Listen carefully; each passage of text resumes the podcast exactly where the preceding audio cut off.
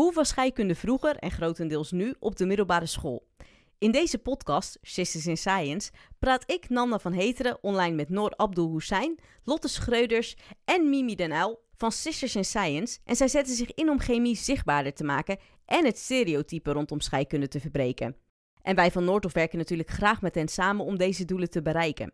In deze aflevering hoor je hun ervaringen met scheikunde op de middelbare school. We gaan het dan hebben over het beeld dat zij hadden van scheikunde en welke vooroordelen, maar ook welke rol hun docenten hierin speelden en hoe zij tot een keuze zijn gekomen om scheikunde te gaan studeren. Nou, wat ontzettend leuk, Noor, Lotte en Mimi, welkom. Ik vind het echt heel tof dat ik jullie spreek. En ik moet eerlijk zeggen, ik heb erg uitgekeken naar deze podcast. Want tegelijk dacht ik ook met weemoed terug aan mijn eigen middelbare schooltijd. En, en had ik gehoopt dat er een Sister in Science, of Sisters in Science was toen, of jullie toen al, om die missie uit te voeren. Misschien is dan ook de vraag overbodig hoor, die ik ga stellen. Maar, maar waarom is jullie werk zo belangrijk? Nou, ik denk dat, um, dat wij met Sisters, wat jij eigenlijk zegt, dat vroeger hadden wij misschien ook wel gehoopt dat er een Sisters in Science was om te laten zien dat wetenschap helemaal niet zo stoffig was uh, als wij toen hadden gedacht. En hadden we misschien veel eerder en makkelijker voor een keuze in scheikunde gekozen in onze carrière. Dus uh, ik denk dat het heel belangrijk is, zeker voor de uh, scholieren en de toekomstige generatie scheikundigen die eraan gaan komen. Lijkt mij zeker ook. Tenminste, als ik naar mijn klasse kijk en naar mijn leerlingen kijk, uh, daar is echt wel behoefte aan. Ja, nu heb je al een antwoord gegeven voor Mimi, maar ik ben ook benieuwd naar, de rest. Misschien is het uh, gewoon handig. Uh, zullen we een kort voorstelrondje doen? Dus even per persoon, wie zijn jullie? wat vind je zo leuk aan Sisters in Science? Wordt ook wel SIS genoemd in deze podcast. Mimi, mag ik dan bij jou beginnen? Want je had net ook de vraag beantwoord. Ja, sure. Ik ben Mimi Den Uyl. Ik ben ehm, nieuw afgestudeerde dokter in de chemie. ik heb daar een uh, onderzoek gaan naar analytische chemie. En wat ik zo leuk vind aan Sisters in Science is dat nou ja, we doen het met elkaar. Dat is al super leuk. En het geeft ons heel veel vrijheid om hele complexe problemen eigenlijk, namelijk zo'n diversiteitsprobleem binnen de chemie en ja, een tekort aan mensen op te lossen met heel veel creatieve dingen die we met elkaar doen. Klinkt goed, ja. Ook oh, ik ben, echt benieuwd hoe, uh, hoe dit allemaal verder gaat uitpakken. Maar daar gaan jullie me straks hopelijk veel meer over vertellen. Noor, wie ben jij? Ja, je zei het al, Noor. Ik ben Noor Abdulsain. Ik ben net als Mimi ook recent, nou, twee maanden terug, um, ook dokter geworden. En uh, op dit moment werk ik als uh, wetenschapper in het Nationale Meteorologie Instituut in Delft. En ik hou me bezig met ja, energietransitie, uh, CO2 uh, in de lucht verlagen en meten. En uh, ja, allemaal leuke dingen. En eh, wat ik zo leuk vind aan Sisters in Science, dat ik ook daarnaast doe, is dat ik, nou, ook een beetje dat wat Mimi heeft gezegd, ook het kunnen vertellen en laten zien hoe ons, hoe ons wereldje in het wetenschap eruit ziet. Ik denk dat dat een leuk onderdeel is dat wij ja, kunnen laten zien op onze Instagram-account. Oh, oh op, Instagram. Oké. Wat is jullie Instagram-account? Sisters in Science. Nou, daar schrijf je NL. okay. Oh, NL. Oké, ja. Sisters in Science NL. Oké, nou dan gaan we die straks ook meteen vinden. Uh, maar eerst Lotte natuurlijk nog. Je, we willen ook weten wie jij bent. Ja, natuurlijk. De, uh, last but not least, hoop ik. Absoluut. Um, nee. Ja, ik ben dus uh, Lotte Schreuders. En ik heb net zoals de andere twee meiden uh, kort geleden een enorme uh, ja, overgang uh, doorgemaakt. Ik ben namelijk geswitcht van veld. Ik ben uit de chemie gestapt. En ik doe nu onderwijskundig onderzoek um, aan de Universiteit van Amsterdam. Dus ik, ben, ik, ik heb een enorme ja, switch gemaakt. Uh, ik was hiervoor docent uh, bij de master scheikunde, de, specifiek de richting analytische chemie, die wij ook alle drie hebben gestudeerd. En daar kwam ik in aanraking met het onderwijskundige onderzoek. En dat vond ik zo waanzinnig interessant dat ik dacht, hier moet ik meer mee. En ja, in lijn met dit is precies wat ik zo leuk vind aan de Sisters in Science. En dan voeg ik toe aan, aan wat de meiden al hebben gezegd, maar zoveel verschillende dingen kunnen we doen met Sisters. Zoveel verschillende dingen kunnen we duidelijk maken.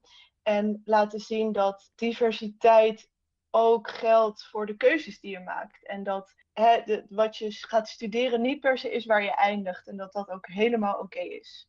Oh, oh, absoluut. Maar jij zegt, ik werk nu in het onderwijskundige gedeelte onderzoek, maar wel met, uh, in het scheikundeonderwijs of in de exacte hoek van het onderwijs, of hoe moet ik dat zien? Een goede vraag, nee. Eh, ik ben echt helemaal de beta-wetenschap uit. Dus ik doe onderwijskundig onderzoek naar uh, innovaties in het hoger onderwijs. En het is uiteindelijk denk ik wel mijn droom om, om onderwijskundig onderzoek te gaan doen, specifiek naar, naar de beta-wetenschap. Want ik denk dat daar uh, heel veel leuke dingen te onderzoeken zijn. Maar ik begin wat breder en ik doe dus onderzoek naar innovatie. Ook, ook super interessant, ja. En, en even voor mijn beeldvorming, jullie kennen elkaar van de studie. Dat klopt, ja. Tenminste, Mimi en Noor kennen elkaar uh, van de studie. Um, Mimi en ik kennen elkaar van de studie. En met z'n drieën kwamen wij uh, samen te werken op de afdeling uh, scheikunde op de Universiteit van Amsterdam. Ja, dan, is het, dan zou ik voor de grap kunnen zeggen: Oh, wat hebben jullie dan gestudeerd? Maar ik heb een vermoeden dat, dat ik dat inmiddels, inmiddels weet. maar, maar, maar dan helemaal niet. Uh, heb ik geen idee van hoe jullie middelbare schooltijd was en scheikunde toen. Um, Lotte, nu jij toch aan het woord bent, hoe, hoe was dat toen? Ja, dat is echt een hele leuke vraag, vind ik dat. Want ik, je zegt zelf, ik ging met weemoed uh, terugdenken. Uh, dat deed ik nu ook, toen ik deze vraag kreeg. Maar dat doen wij natuurlijk wel meer. Want we hebben het natuurlijk heel veel over scheikunde en scheikunde op de middelbare school. Maar ik ging nu even heel specifiek nadenken hoe was die tijd dat ik scheikunde had en hoe zagen de dagen er dan uit? Hoe zagen die lesuren eruit? En ik weet nog heel goed, wat heel leuk is, is dat mijn middelbare school had toen een nieuwe uh, beta-vleugel geopend. En dat was echt een prachtig gebouw met supermooie scheikunde lokalen. Uh, waar een soort van eilanden in het lokaal zaten, waar, waar je dan van die gas- en wateraansluitingen hadden. Dat was sowieso, vond ik dat al heel vet. Want daar zit je natuurlijk de hele tijd een beetje mee te kloten. Niet dat het mag, dus niet doen. Maar uh, dat was natuurlijk heel interessant. Maar wat ik, dat, ik, ik heb daar hele leuke herinneringen aan. Maar wat ik me ook heel goed kan herinneren, is dat mijn vrienden en vriendinnen eigenlijk uh, het niet zo'n leuk vak vonden. en soms gaf dat ook wel een, een soort van druk omdat ik het zelf heel erg leuk vond. Maar omdat mijn vrienden en vriendinnen het niet zo leuk vonden, dacht ik: Oh, is, is dit wel cool? Of kan ik dit wel doen? Dus een beetje gemengde gevoelens. Maar ik vond scheikunde een, heel erg leuk vak. ook, ook hoe het aangeboden werd? Dus behalve dan met het beta-lab, maar ik bedoel de lessen en de uitleg en hoe de lessen waren ingedeeld? Ja, voor zover ik me kan herinneren, uh, vond ik het wel leuk. Ik vond, ik vond sowieso de boeken heel erg leuk. Maar wat ik wel miste, is een beetje de, de, de link met, met, uh, met de maatschappij. Dus met dagelijkse voorbeelden van scheikunde. En uh, daar zijn we toen heel weinig mee in aanraking gekomen. En ik denk dat dat heel erg leuk was geweest. Ja, en dat dan ook misschien meer mensen, of misschien wel meer meiden, scheikunde hadden gekozen.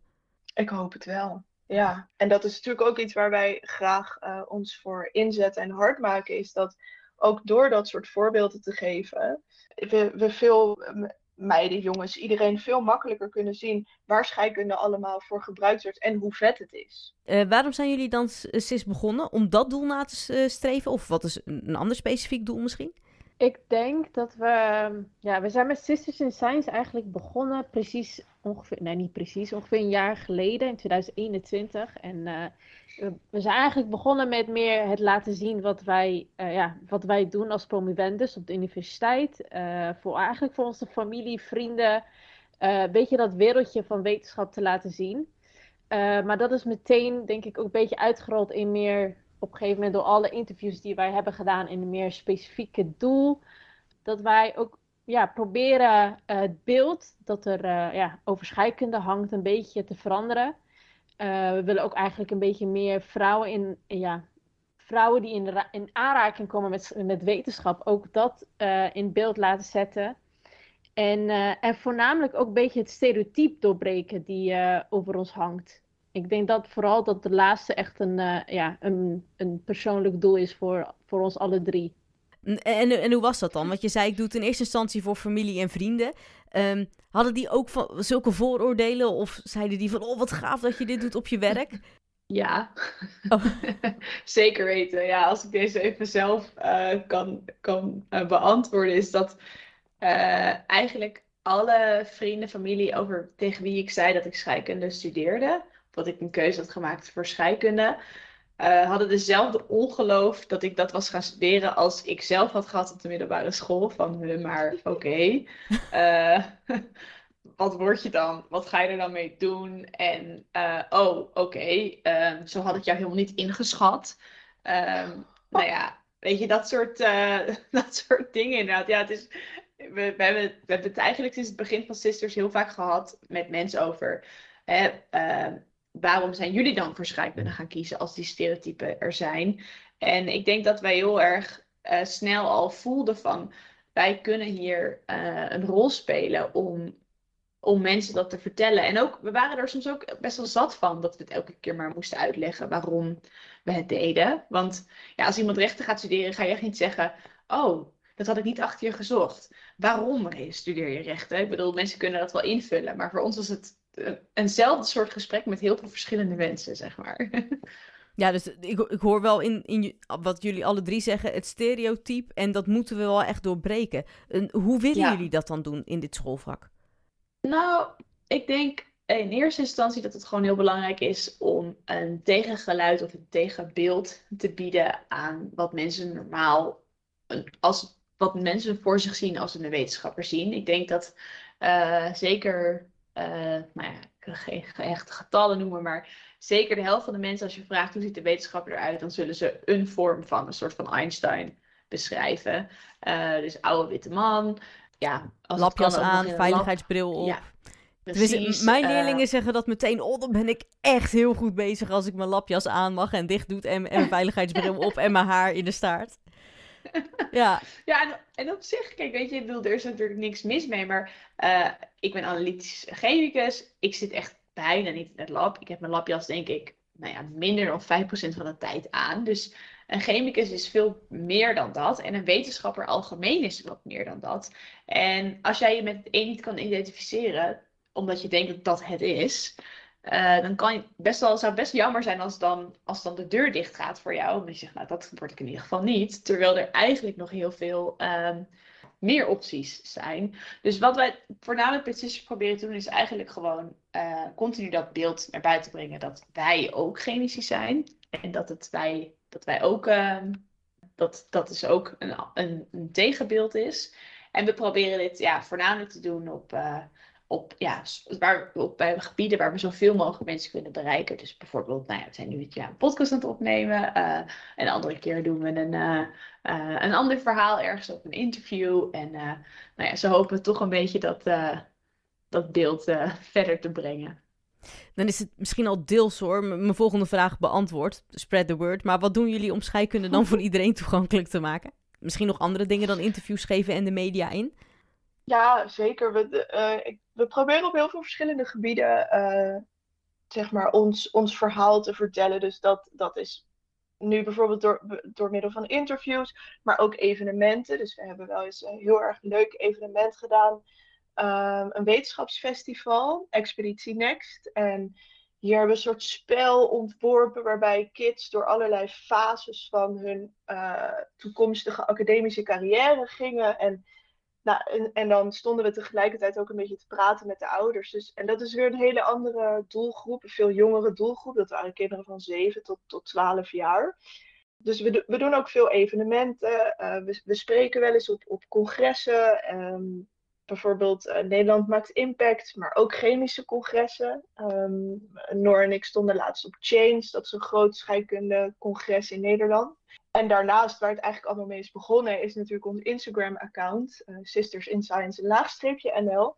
Hier proberen we zoveel mogelijk te laten zien hoe ons leven als scheikundige, uh, want zo identificeer ik mezelf in ieder geval nog wel en de meiden natuurlijk ook, uh, hoe ons leven als scheikundige eruit ziet. En dat we gewoon hele, ja, normale, vind ik ook weer zo'n beetje suffe term, maar wij zijn ook scheikundigen, precies wat Mimi zei. En wij lopen ook gewoon over de gang en hebben ook gewoon een rotdag af en toe. En ja, misschien moeten we af en toe wel eens die lapjas aan, maar um, dat is helemaal niet zo anders als, uh, als, een, als een andere baan. We zitten ook gewoon achter ons bureau. Uh, we hebben soms uh, goede dagen, soms slechte dagen. We willen gewoon laten zien dat het enige wat je nodig hebt om scheikundige te worden, is scheikunde leuk te vinden en dat je gewoon lekker jezelf bent. Mooi gezegd. Ja, en, ik, en je zei wel van, we hebben ook slechte dagen, maar ik hoop voornamelijk goede dagen in, in het werk. Toch? Ah, op en af. Oké. Hoe was dan jullie eerste ervaring met scheikunde? Ja, heel leuke vraag. Ik zal wel beginnen. Ehm, ik kan eigenlijk helemaal niks herinneren van mijn eerste ervaring met scheikunde. Oké. ik, eh, ik, ik weet van vroeger dat ik scheikunde best wel een leuk vak vond. Het was niet per se mijn lievelingsvak. Ik was ook niet echt super goed in. Ik was heel goed in wiskunde B. Maar ik vond scheikunde gewoon heel erg interessant. Ik vond de proefjes heel erg leuk. Dat kan ik me heel goed herinneren. De proefjes die we deden. Ik keek er best wel naar uit als we, als we een proefje mochten doen. Puur omdat je dan de lapjas mocht aantrekken. Ehm, maar, ver- maar verder vond ik, ja, was eh, scheikunde voor mij gewoon ja, een doodnormale vak. Maar ik vind het wel leuk, Noor, wat je zegt over die proefjes. Want ik, ik kan me, nu je dit zegt, kan ik me zo goed nog één proefje herinneren. Met een zuur en een base en die kleuren en dat omslagpunt. Nou, als een scheikundedocent dit hoort, die denkt echt, waar heeft ze het over? Hebben deze bij de scheikunde gestudeerd? Maar dat maakt niet uit. Dat weet ik nog heel goed. Maar dat was niet, in ieder geval niet mijn eerste ervaring met scheikunde. Maar ik denk dat wat ik me nog kan herinneren van mijn eerste ervaring met scheikunde is eh, meer natuur en scheikunde. Dus dat, dat combinatievak wat je dan in het begin had. En ik, ik zelf had, eh, wa- was niet zo'n groot fan van natuurkunde. Dus scheikunde kwam sowieso al lekker uit de verf natuurlijk. Maar ik weet nog heel goed dat ik mijn eerste natuur- en scheikunde toets had. En dat, of de eerste keer dat het zeg maar geheel gericht was op de scheikunde. En daar had ik zo'n hoog cijfer voor gehaald. Dat ik dacht, nou, dit, dit wordt mijn nieuwe ding. Dit, dit is het gewoon helemaal. Ja, ik zat nu ook even te denken, mijn eerste ervaring. Ik zat te denken, oké, mijn eerste scheikundeles inderdaad. Maar Lot, als je dan zo ver terugkijkt, dan denk ik dat mijn eerste ervaring, want dat zie ik ook altijd wel een soort van vormen. Dan denk ik weer aan, eh, aan die proefjes met dat papier en die pennen. Eigenlijk gewoon de eerste, mijn eerste ervaring met scheikunde is chromatografie. Ik ben ook gepromoveerd op chromatografie, dus eigenlijk is het wel een mooie closing the circle, zeg maar. Maar ja, zeg maar, ja, dat je dan met zo'n pen eh, zo'n stip moest zetten. En dat je dan ging loopvloeistof zetten. En dat het dan heel mooi ging splitsen. Daar heb ik wel veel ervaringen van. En ik had toen ik, ehm, ik ja, ik, je koos een automatische soort van scheikunde in je profiel natuurlijk. Omdat je dan zo'n natuurprofiel deed. En ik had een hele jonge scheikundeleraar. Ik denk dat, ja, ik weet niet precies hoe oud hij was, maar ik denk dat hij 22 of 23 was. Dus hij was echt heel jong. En ik, wij waren natuurlijk ook 15 of 16 of zo.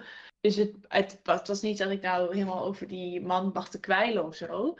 Uh, maar het, het, was wel heel erg, hij was wel heel erg jong. En dat was wel heel erg engaging en leuk en gezellig en zo. Dus dat, het waren hele positieve ervaringen, denk ik. Maar ik vond proefjes was gewoon niet mijn ding.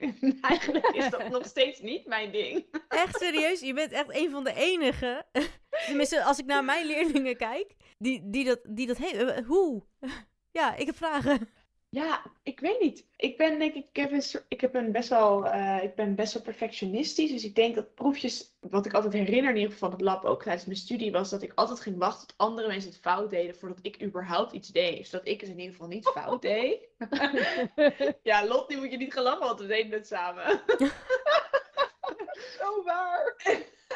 En uh, want dan was het zo van, schenk heel geleidelijk dit erbij. En dan deden mensen heel snel. Dan zeggen ze, oké, je moet het in ieder geval niet snel doen. Je moet het ook niet te, te warm maken. En dan wist ik zeg maar wat ik moest doen. Maar ja, ik vond dat altijd een beetje, uh, de regels bij proefjes zijn gewoon niet zo duidelijk als ze op papier zijn. En denk dat ik dat, die onzekerheid, dat ik dat dan iets minder uh, leuk vond. Omdat ik het dan heel goed wilde doen of zoiets. Maar dat, maar dat kan ik me wel misschien. voorstellen. Als in van, met proefjes gaan er altijd natuurlijk wel uh, dingen mis. Wat je zegt, geleidelijk schenken kan ook snel, kan ook langzaam, is ook geleidelijk. Ja, in, in een bepaalde dat is geleidelijk. Ja, nee, nee maar precies. Toch? Of, of meetonauwkeurigheid, of er valt een reageerbuisje, of, of dat soort dingen. Ja. ja, als je zegt van ik ben perfectionistisch, dan, dan zijn proefjes natuurlijk wel in... Ja, daar zitten gewoon heel veel onnauwkeurigheden in. Ja. En al helemaal um, gevaarlijke proefjes. Daar ben ik echt geen fan van. Als het dan is van, oh, als je dit over je hand krijgt, dan kan je hand eraf gaan. Dan ben ik gewoon van, nou, laat maar zitten. Deze, dit proefje doe ik niet, zeg maar zo. Dus ik ben ook wel, ook wel een beetje bangig misschien. Ja, maar ik denk dat dat ook de reden is waarom we niet, dat we niet voor uh, organisch hebben gekozen. Hey, maar Noor, ik denk dat jij wel, jij bent helemaal niet bang. Uh, hoezo niet? Het is ook even goed om te vertellen wat Noor in haar PhD heeft gedaan. Want Noor heeft eh, allemaal dingen geprint en daarmee analyses uitgevoerd. Dus die heeft met 3D-printing, sorry Noor dat ik het nu ga vertellen. Nee, vertel maar, ik ben benieuwd. Uh, heeft met 3D-printing heeft ze zeg maar nieuwe scheidingstechnologie gemaakt. En dus die was, hij was echt zoveel in het lab en zoveel proefje, proefje, proefje, zeg maar stap, stap, stap verder en dat soort dingen aan het doen. Dat het zit meer in jouw natuur, die proefjes. Nee, nee, ik snap het. Maar het verschil is dat ik gewoon niet wist wat de uitkomst is van mijn proefjes. Nee, helaas. dat is het verschil. Dus elk re slecht resultaat is een resultaat. In mijn geval. Dat is waar, ja. Ja, en ik weet niet hoor, uh, met mijn leerlingen, want uh, wij hebben dan nu net uh, hun eerste scheikundeproefje gehad. En dat zijn dan vijf witte poeders. Dat zijn dan tussen ons gezegd huistuin- en keukenpoeders, hè, keukenzout, poedersuiker, noem maar op. Maar dat moeten ze dan door middel van natuurkundig of scheikundig waarnemen bedenken van wat zou het kunnen zijn. Hè? Mm. En dan zeggen ze ook, oh, witte poeders, het zal vast en zeker iets van drugs zijn of medicijnen als paracetamol. ja, dat je echt denkt van, nou, denk even na, zou een school dit doen? Maar dan zeg ik altijd, nou, wat denk je zelf? En dan zeggen ze, oh ja, dan gaan we met gevaarlijke stoffen aan de gang. Dus, dus zou het ook niet een heel klein beetje sensatie zijn? Of was het echt van, als je dit over je hand heen krijgt, zo, zoals mijn collega toen de tijd had met een proefje met zoutzuur wat niet goed ging en in zijn mond kwam. En, en zijn tong drie Oh. dagen, of Oh, de, de, huid drie dagen moest missen en zo. Is, is- is het echt of is het een beetje sensatie om de leerlingen een beetje te prikkelen, zeg maar? Ik denk dat daar, daar zit ook een omslagpunt in. Ga ik weer met mijn omslagpunt. Dat. Maar, want ik weet nog, op de middelbare school vond ik het eigenlijk wel vet. Dacht ik, oh cool, gevaarlijke stoffen, eh, drugs en explosieven. En als we al zo ver gingen met scheikunde. Toen we het gingen studeren, to- dan, Mm. toen, toen moesten we daadwerkelijk met van die gevaarlijke stoffen werken. En moesten we zelf uitzoeken en, en noteren welke stoffen gevaarlijk waren, welke minder gevaarlijk waren, hoe je ermee om moest gaan. En toen werd ik me opeens zo pijnlijk bewust van het feit dat ik daar in dat laboratorium stond, daar echt zelf voor moest zorgen. En Ja. dat vond ik opeens best wel spannend. Dus ik weet nog, Mimi en ik deden samen wel practica. Nou, wij stonden af en toe echt achterin te kijken van hoe doen jullie het? En als jullie het niet eh, verkeerd doen, dan gaan wij jullie nadoen. Wat, ik, ja, ik vond dat gewoon best wel spannend. Dus ik, ik denk dat zeker, hè, dus er zijn die gevaarlijke stoffen, de, de drugs, de, de, de eh, medicijnen, de explosieven, het vuurwerk. Het zijn allemaal eh, haakjes waarmee je ook interesse kan wekken bij leerlingen, wat eh, Ja. supergoed is. Ik denk heel goed om dat te doen. Maar er zit natuurlijk wel een component aan die ook daadwerkelijk ja, ehm, gevaarlijk kan zijn. Of in ieder geval Ja. eh, waar je voorzichtig mee moet zijn. Nee, nee, uiteraard. Als, je, als je daar zo mee onderzoek doet, dan natuurlijk, ja. Dat is anders dan in, in mijn twee MAVO-klassen natuurlijk. eh. ja, Ja, toch? Ik hoop kind- het. Nou ja, met keukenzout is over het algemeen eh. weinig fout gegaan, kan ik je vertellen. Maar eh, Eigenlijk gaat het kinderslot er een beetje af, zeg maar. En opeens denk je gewoon, ja, als ik dit nu te veel doe, dan heb ik daar de consequenties van, zeg maar. eh. Maar ja, ik, ik, wat je wat zegt, je denkt, als je jonger bent, eh, kan je impulsen ook nog minder goed onderdrukken. Dus is het ook nog echt spannend en dan ben je nog niet zo bang. Juist ook wel leuk dat je dan je zo volle overgave op die vijf stoffen kan eh, gooien, zeg maar, toch? Wat ik zie bij mijn leerlingen, absoluut. Ja, ja, ja. Ja. Maar, maar terugkomend op jullie middelbare schooltijd. Hadden jullie toen zelf vooroordelen over scheikunde en het beroep? En, en zo, ja, wat, wat was dat dan?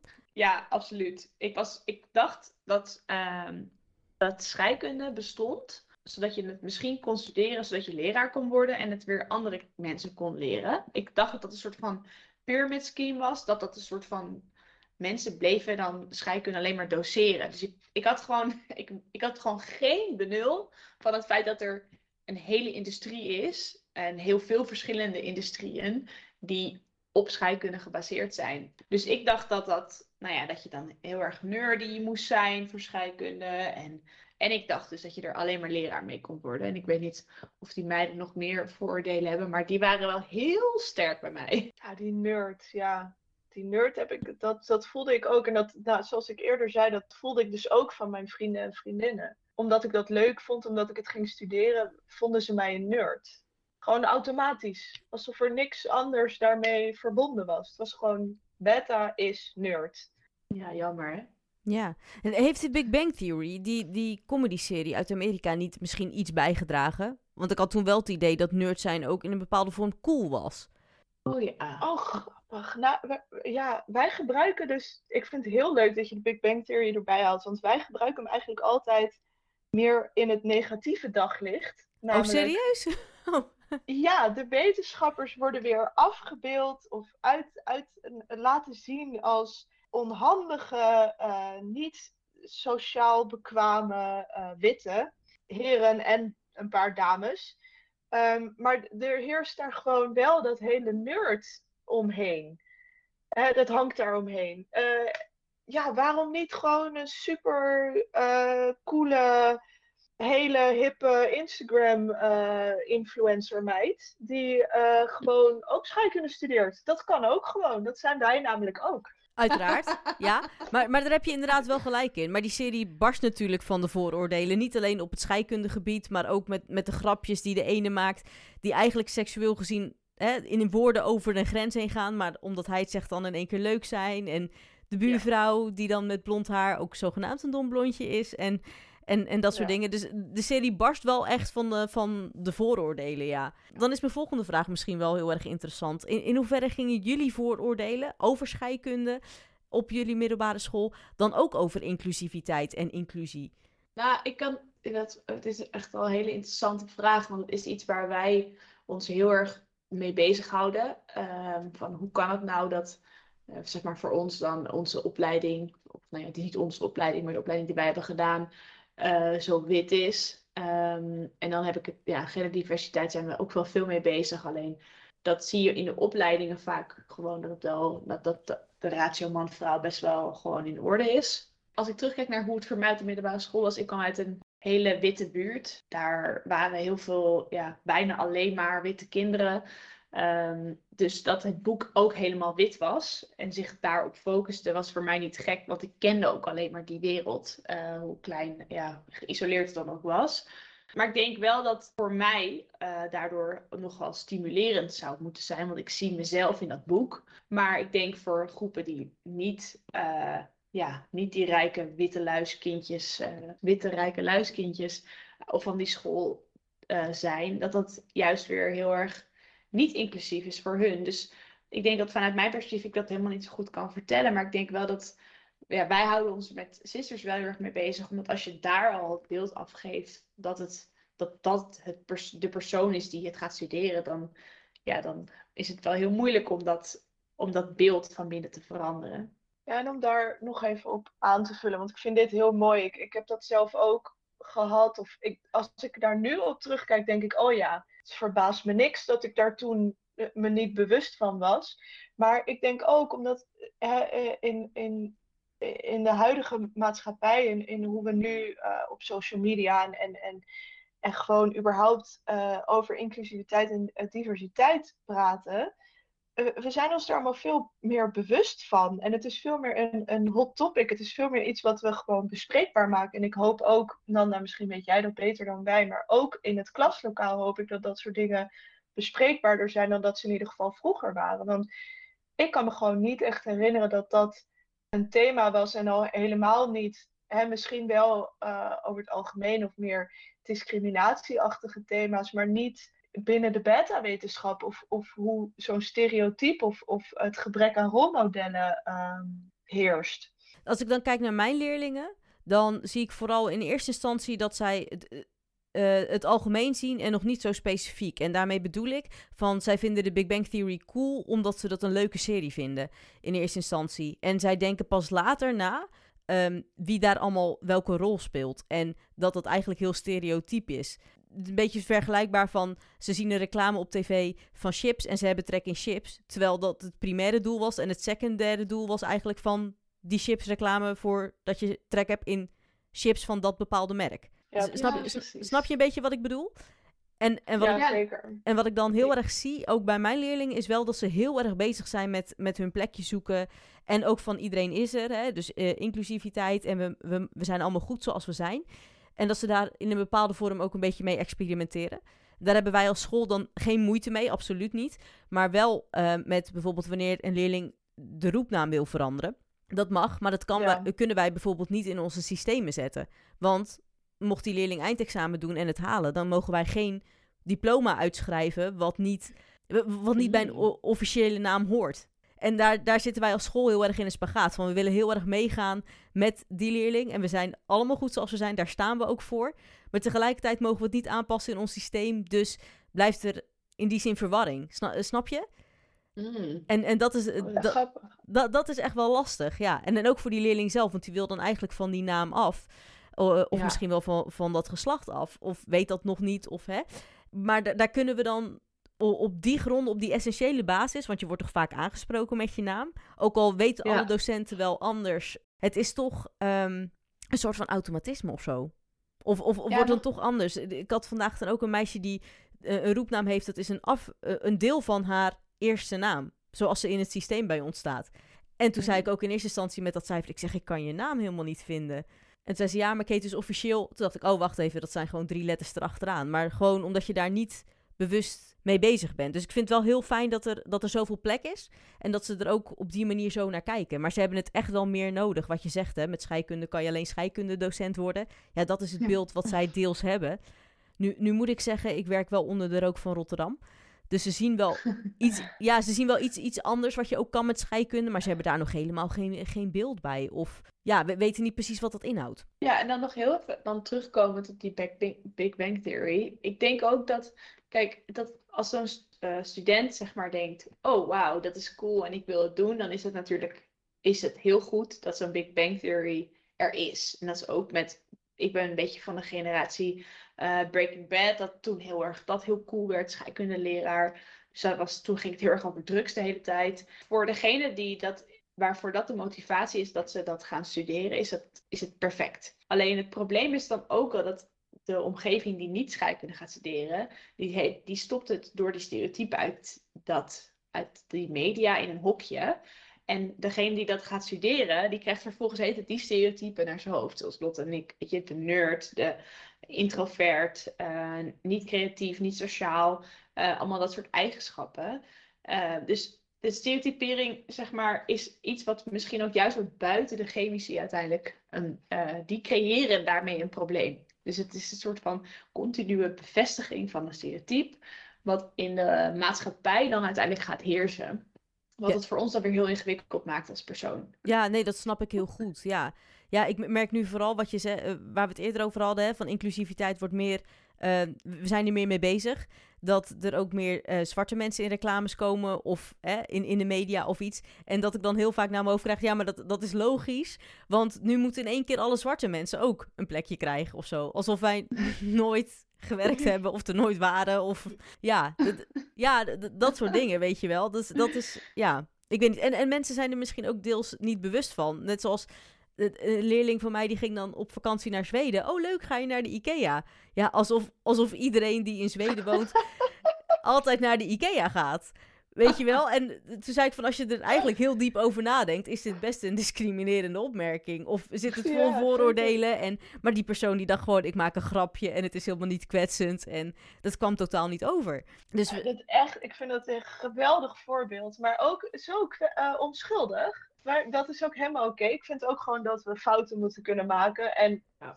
goed als we elkaar kunnen aanspreken daarop. Dat, dat, dat is denk ik ook gewoon heel erg belangrijk als het over diversiteit en inclusie gaat. Daar hebben wij het ook vaak over als we hierover spreken. We worden wel eens uitgenodigd als een soort van experts eh, in een panel over diversiteit en inclusie. Dat zijn wij absoluut niet. We doen er wel veel mee, we praten er veel over, we hebben er passie voor. En eigenlijk onze boodschap is altijd van praat erover, wees, wees kwetsbaar, laat je eigen vooroordelen zien en eh, wees je daarvan bewust. En als we met z'n allen gewoon lekker daar wat meer bewust over gaan zijn, wat laagdrempeliger over gaan spreken, dan komen we zoveel verder met elkaar. En eh, over het algemeen, maar ook binnen de beta-wetenschap en binnen de scheikunde. En, en welke rol speelde jullie docent dan op jullie middelbare school om het vak juist toegankelijk te maken voor jullie? Nou, dit eh, is eigenlijk mijn favoriete vraag, want deze krijgen we best wel vaak. Of tenminste, misschien niet specifiek de rol van de docent, maar wel Uh, wat was uiteindelijk de reden dat je scheikunde bent gaan studeren?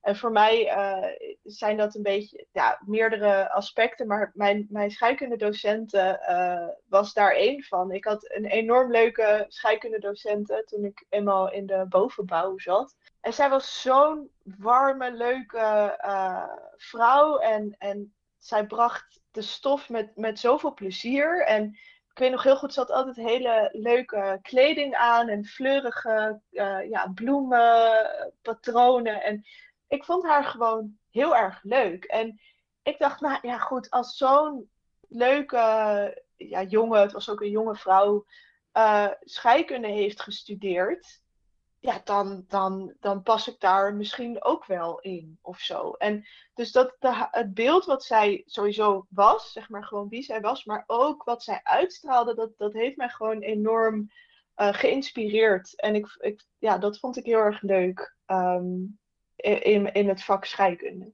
Ik had op zich ook een. Uh, ik had dat, het grappige aan. Uh, en ik kan me inderdaad herinneren toen ik op de middelbare school zat dat ik had alleen maar jonge, leuke uh, scheikundeleraren. Het was echt een heel. For some reason was natuurkunde, bio was best oké. maar scheikunde had echt een hele, heel leuk team eigenlijk. Maar ik kan me gewoon. Ja, ik weet of ik me toen al heel erg aan het afzetten was tegen scheikunde. Omdat ik dus er een beetje mee aan het worstelen was. Of ik het nou wel cool of niet cool vond. En wie ik dan was en wat scheikunde dan voor mij was. Ik was er gewoon goed in, maar ik was best wel heel erg tijd bezig om, nou ja, er ook niet te veel mee bezig te houden, zeg maar. Dus ik heb daar niet, ik kan me niet herinneren dat mijn docent heel erg het zo toegankelijk probeerde te maken. Waarom zijn jullie dan scheikunde gaan studeren? Nou, Lot, ja, kom maar. Ja, door mijn scheikunde, nou goed, deels door mijn scheikundedocenten. Dat, ik denk dat dat wel, uh, dat heeft enorm geholpen. Daarnaast was, was mijn middelbare school toen uh, heel erg bezig met meer mensen en dan vooral meiden um, de beta-wetenschap in te krijgen. Dus er, waren, er werd enorm veel uh, promotie voor gemaakt. We kregen hele ja, voorlichtingen daarover. En uh, je werd dus ook, als, als je goed was in de beta-wetenschap, dan werd je ook wel gestimuleerd en aangesproken van, hey, is dat niet wat voor jou? En nou, op een gegeven moment weet ik nog dat er een soort omslagpunt, omslagpunt hebben we hem weer, um, was. Waarvan ik dacht, nou ja, waarom eigenlijk niet? Misschien, het is een heel breed vakgebied. Ik ben er goed in. En ik moet zeggen, en dat, dat is best wel even iets kwetsbaars van mezelf, maar het, het intrigeerde me wel dat er weinig vrouwen waren. Ik dacht van, ja, cool, weet je wel, dan, dan ben ik uniek en bijzonder. Dat, dat, vond ik, dat vond ik wel wat hebben. Dus ook dat heeft uh, meegespeeld.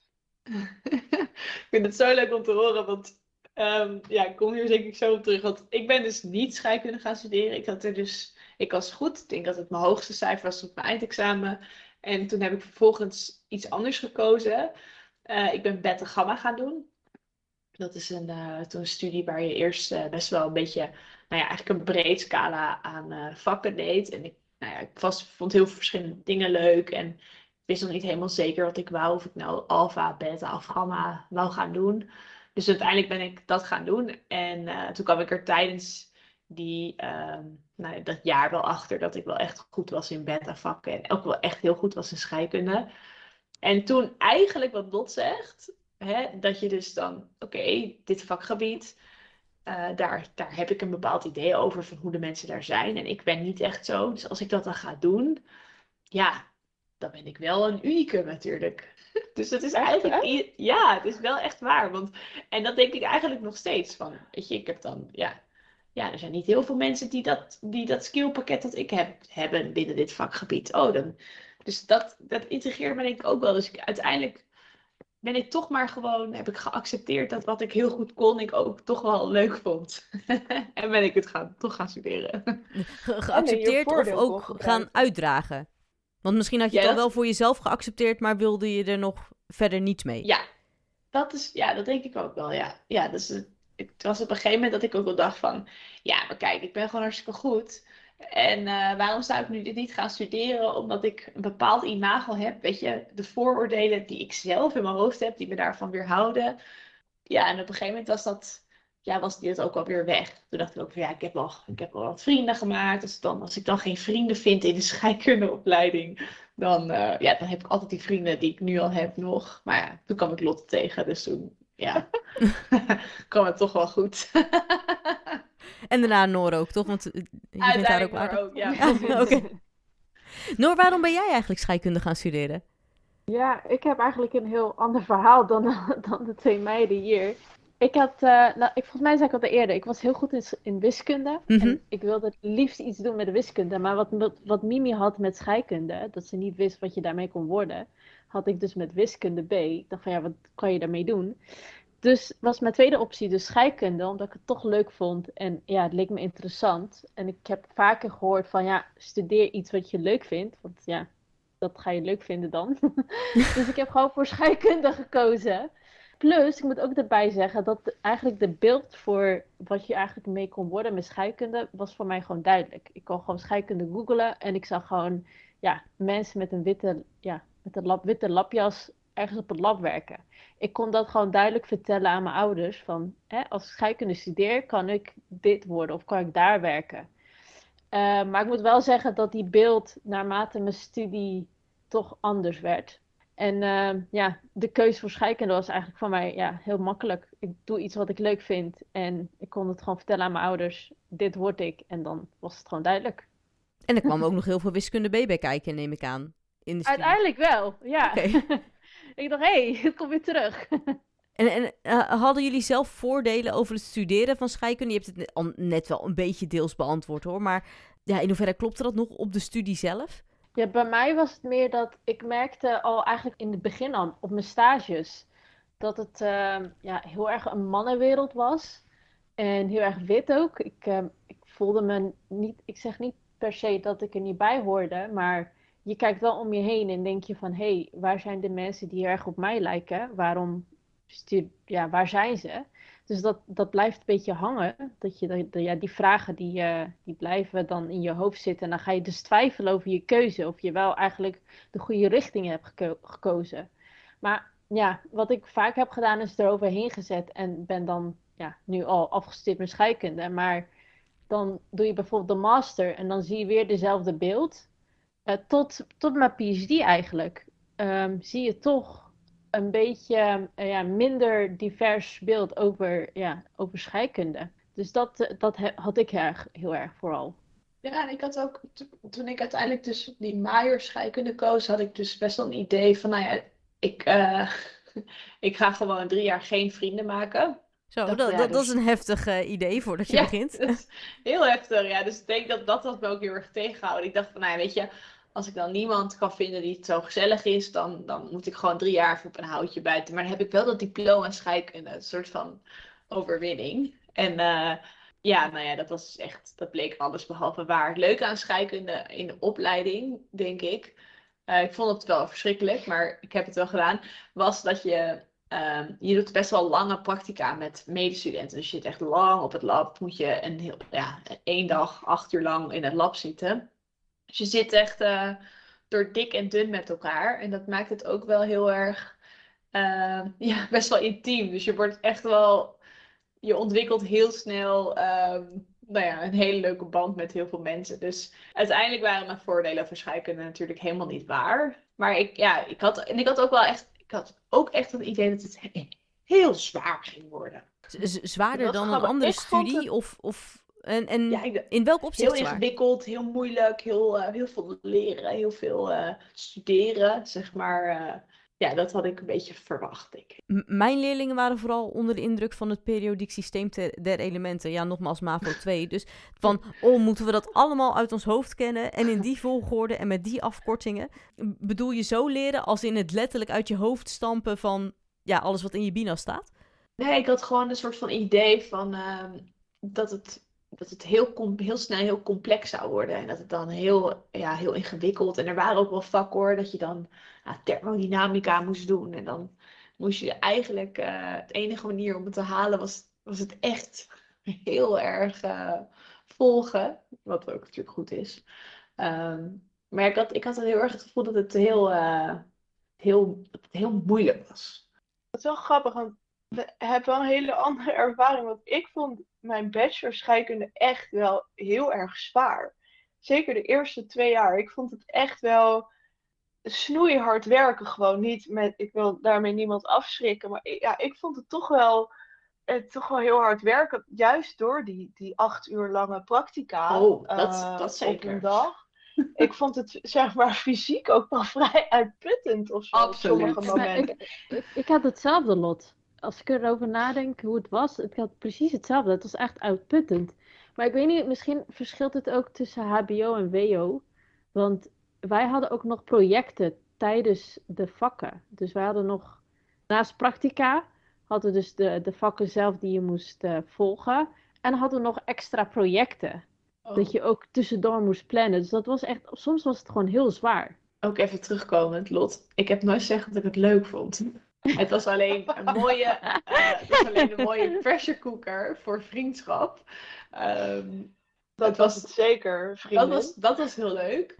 Alleen, ik heb, ik heb nooit gehuild in het lab, maar wel tijdens mijn bachelorpracticum. Ik zit een beetje hard op te denken hoor, voor mezelf om een beetje een goed beeld te krijgen. Maar zou het ook kunnen zijn van dat de zwaarte behalve ligt in hard werken en practica die acht uur duren met acht uur focus en zo. Dat je, ja, met scheikunde ga je natuurlijk ook uh, materie onderzoeken of stoffen onderzoeken waarvan je het niet direct kan zien of zo. Net als bij natuurkunde. Soms is iets zo klein, bij een elektron of zo, dat je, dat je het niet kan bevatten. Of de sterrenkunde zo ontzettend groot dat je het niet kan bevatten. Dat het in dat opzicht zwaar is omdat je het niet goed een beeld hebt of kan plaatsen?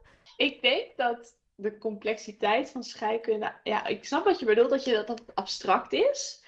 Uh, maar het voordeel van scheikunde is dat het zo on ongelooflijk logisch is dat het ook vaak maar één waarheid is. Dat vind ik een soort van iets, wel iets prettigs aan scheikunde. Het is wel gewoon van, kijk, zo zit het. En, uh, en alles gaat volgens deze regels. En dat is, ja, ik denk dat, ik denk dat voornamelijk, er zijn niet heel veel, uh, ja, ja, misschien, nee, weet ik niet precies, maar uh, die, die lange practica, dat je veel moet staan, uh, veel moet doen. Spannend ook, want misschien kan er iets verkeerd gaan. Uh, ik denk dat dat afwisselend met gewoon vakken die wel zwaar, echt wel zwaar waren hoor. Uh, maar ik weet niet of de materie van die vakken, sommige vakken wel, maar sommige, dat, dat, dat de materie gewoon. Het was, ik, ja, voor mij was het oké, okay, maar ik denk dat dat bij ook anders waren. Want ik had het jaar daarvoor al uh, eerder gestudeerd. Dus dat studeren, dat was een soort van, uh, dat had ik al uh, gedaan, denk ik. Ja, ik weet het niet. Maar dat was eigenlijk precies wat ik nog wel toevoeg hier aan. Wat ik ook zwaar vond aan mijn eerste jaar is dat je, je moet eigenlijk leren studeren. Want studeren is zo anders dan, dan dat je het op de middelbare school krijgt. Dat ik, ik moest, het duurde voor mij ook best wel even voordat ik die switch had gemaakt in hoe moet je nou goed, efficiënt uh, en leuk um, studeren. Ik, ik vond dat nog best wel een uitdaging. Dus dat, de, dat, dat komt er nog bij. En die had jij inderdaad in het eerste jaar al getackeld. Uh, hebben jullie tips voor docenten om scheikunde dichter bij de belevingswereld van leerlingen te brengen? Uiteraard hebben wij uh, goed nagedacht over een paar leuke tips. Ze zijn al een beetje langsgekomen, dus we vatten het ook even samen. Mm -hmm. um, ten eerste, um, zorg ervoor dat je in je lesmateriaal uh, scheikunde uh, in het dagelijks leven benoemt. Dus, dus de dagelijkse applicatie van scheikunde in het leven. En hierbij kun je denken aan uh, de drinkwater, um, zuiveringssystemen, voedsel, voedselverpakkingen. denk aan bijvoorbeeld de chipszakken of wijnflessen. Waarom hebben die die kleur? Nou, om licht tegen te houden, zodat de wijn niet afbreekt. Uh, een hele leuke uh, die wij zelf uh, hebben gepost op ons Instagram-account is de corona zelftest. Dit is chromatografie in het mini, ofwel in het groot. Het is maar hoe je het bekijkt. Maar het, dat, dat is gewoon een, een klein voorbeeld van chromatografie. En er staan allerlei fantastische filmpjes op YouTube die dat haarfijn uitleggen met mooie visuals. Dus die laten het heel mooi zien. Dus dat, dat is denk ik een van onze gouden tips. Hè? Uh, om leerlingen uh, beter te laten zien waar scheikunde er allemaal te vinden is en wat het allemaal is. Uh, laat het ook gewoon zien waar ze het in het dagelijks leven kunnen vinden. En dan zijn bijvoorbeeld zakken chips en een COVID-zelftest denk ik hele mooie voorbeelden. Verder dachten wij, hè, wat, wat, wat zouden wij, als wij in die scheikundeles zaten, wat hadden we nou graag nog meer willen zien? En uh, een leuke tip zou kunnen zijn: um, nodig oud-leerlingen uit die bijvoorbeeld scheikunde zijn gaan studeren. Als je in contact komt met uh, scheikundeopleidingen, uh, vaak kan dat wel. of als je lesgeeft in de bovenbouw, dan heb je wel vaak contacten met hogescholen of universiteiten.